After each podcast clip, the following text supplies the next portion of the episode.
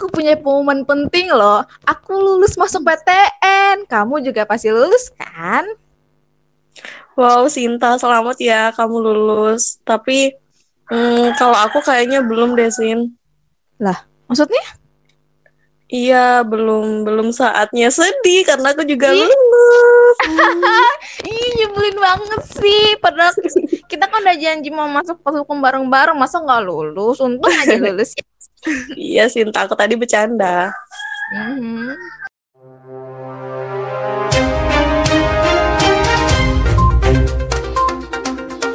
Dua warga negara Indonesia yang berdomisili di Depok diketahui positif mengidap virus corona di SARS 2019 atau COVID-19. Ini merupakan kasus pertama yang ditemukan di Indonesia. Kedua pengidap COVID-19 ini memiliki riwayat berinteraksi dengan warga negara Jepang yang diketahui lebih dulu menderita penyakit tersebut. Pemerintah meminta masyarakat agar tidak panik, negara menyatakan akan menanggung seluruh biaya untuk perawatan dan pengobatan.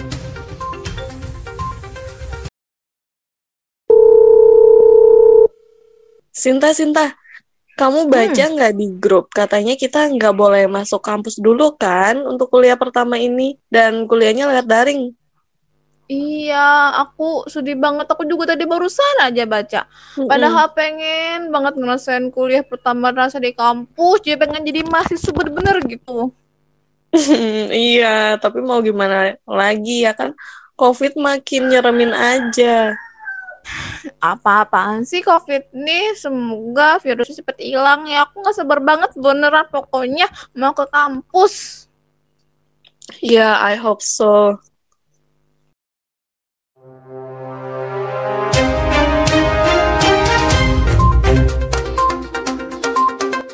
Setahun sudah pandemi COVID-19 membayangi dunia, tak terkecuali di Indonesia. Virus corona sendiri telah menginfeksi jutaan orang dan para ilmuwan menilai bahwa banyak hal yang harus dibenahi bangsa ini dalam menyikapi pandemi. Lantas, apa yang perlu dibenahi oleh Indonesia?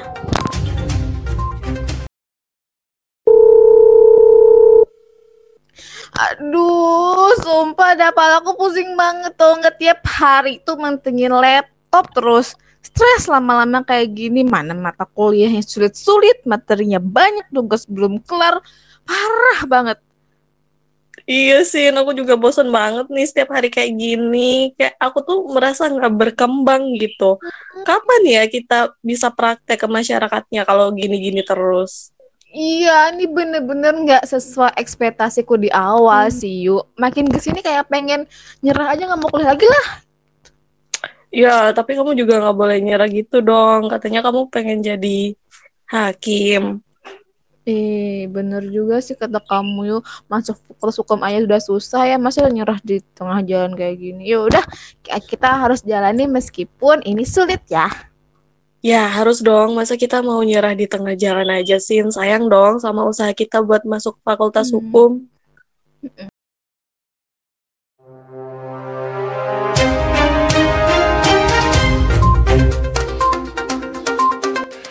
Menteri Sosial Julian Peter Batubara resmi ditetapkan sebagai tersangka oleh Komisi Pemberantasan Korupsi. Politikus PDIP ini harus berurusan dengan hukum dalam kasus dugaan suap pengelolaan dana bantuan sosial penanganan COVID-19 berupa paket sembako di Kementerian Sosial tahun 2020.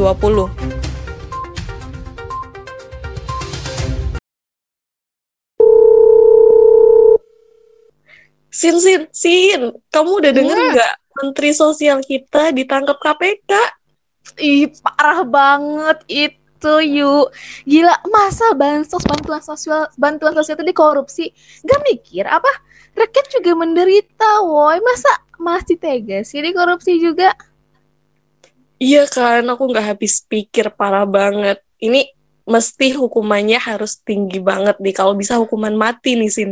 Harus dong. Ya kalau keman mati terlalu ngeri ya di Indonesia, mending miskinin aja tuh para koruptor. Iya sih, sebelumnya kan ada juga ya mantan Menteri Kelautan dan Perikanan ditangkap KPK juga kan? Iya bener-bener bener parah banget. Ya ampun di tengah-tengah pandemi ini masih aja dijadiin kesempatan buat korupsi ya Allah. Ya ampun hebat hebat keren keren. Iya kan Sin, parah banget emang. Kira-kira hukuman apa ya yang cocok nih buat para koruptor? Hmm, Hmm, mari kita dengerin yuk bagaimana pendapat teman-teman kita.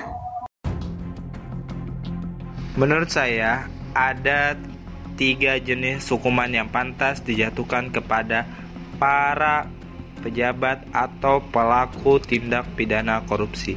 Yang pertama adalah hukuman pidana mati. Yang kedua adalah hukuman pidana maksimal 20 tahun. Yang ketiga adalah hukuman pidana minimal penjara 10 tahun. Perbuatan koruptor yang telah melakukan korupsi, yang tidak punya hati, yang berdampak terhadap seluruh negeri, yang oleh rakyat padahal telah diamanahi, kiranya pantas untuk dihukum mati. Mati dalam politik, mati dalam jabatan, mati dalam kehidupan. Miskinkan para koruptor. Hukuman yang pantas untuk para koruptor. Studi banding ke neraka jahanam. Menurut saya baiknya untuk korupsi bansos Pak Juliari Batubara dihukum mati saja karena sudah jelas-jelas mencederai rasa keadilan di masyarakat. Hukuman apa yang pantas untuk koruptor? Menurut aku mungkin hukuman mati, tapi balik lagi ke kesadaran diri masing-masing karena kalau sudah di dalam diri seseorang sudah tertanam jiwa-jiwa korupsi, maka perbuatan itu akan terus ada.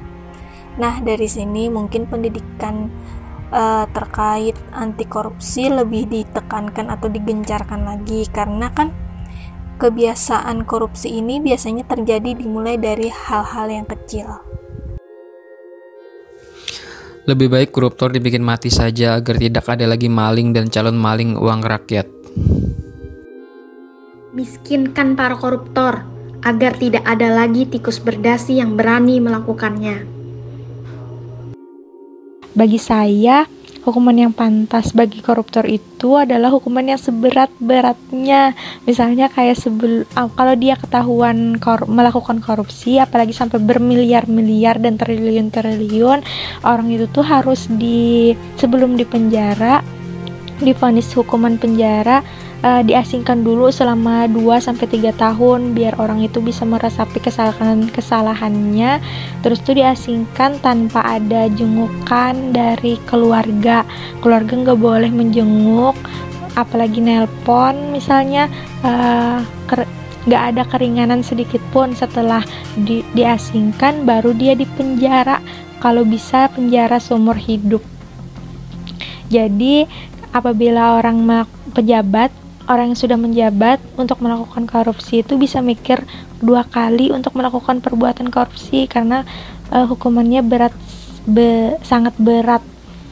Itu aja sih soalnya di luar aja ada yang sampai hukuman mati kan ya. Jadi um, kalau hukuman penjara seumur hidup itu masih masih ringan sih menurut saya. Soalnya kan baru ancaman kalau dia melakukan pekerjaan sebaik-baiknya tanpa korupsi juga nggak bakalan dapat hukuman itu. Pokoknya intinya berantas korupsi.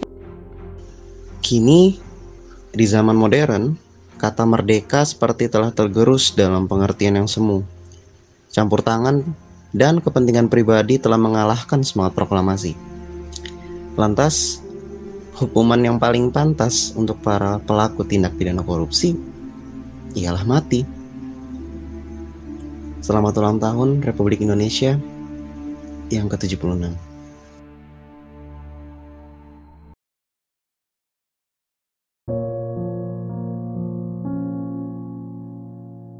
Puisi, apa kata Bung Hatta karya Hati Nurahayu?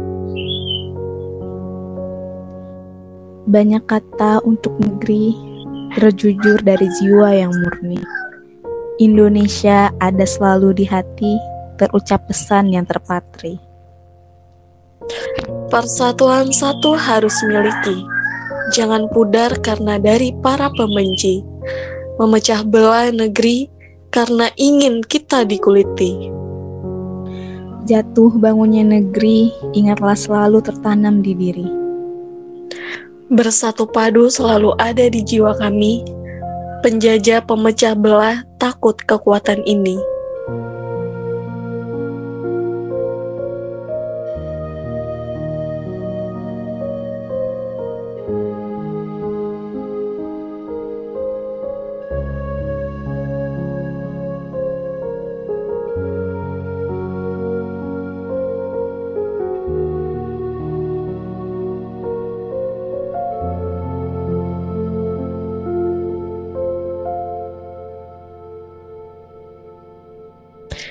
17 Agustus adalah hari bersejarah untuk bangsa Indonesia.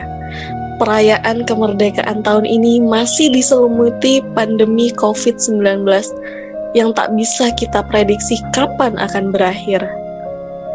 Berbagai peristiwa telah sama-sama kita icipi. Suka duka telah kita rasakan bersama. Pengorbanan yang bertubi-tubi telah kita lakukan. Beberapa peristiwa membuat kita naik pita, korupsi misalnya, seakan tetap merajalela dan muka-muka seakan tanpa dosa berani tersenyum dan melambaikan tangan ke rakyat. Apa Anda merasa bangga, Pak? Berapa peristiwa juga membuat bulu kudu kita naik? Berapa juta orang yang meninggal karena COVID? Ruang gerak kita dibatasi karena adanya PSBB hingga PPKM belum lagi ancaman kematian yang sewaktu-waktu bisa menimpa kita kapan pun dan di mana pun.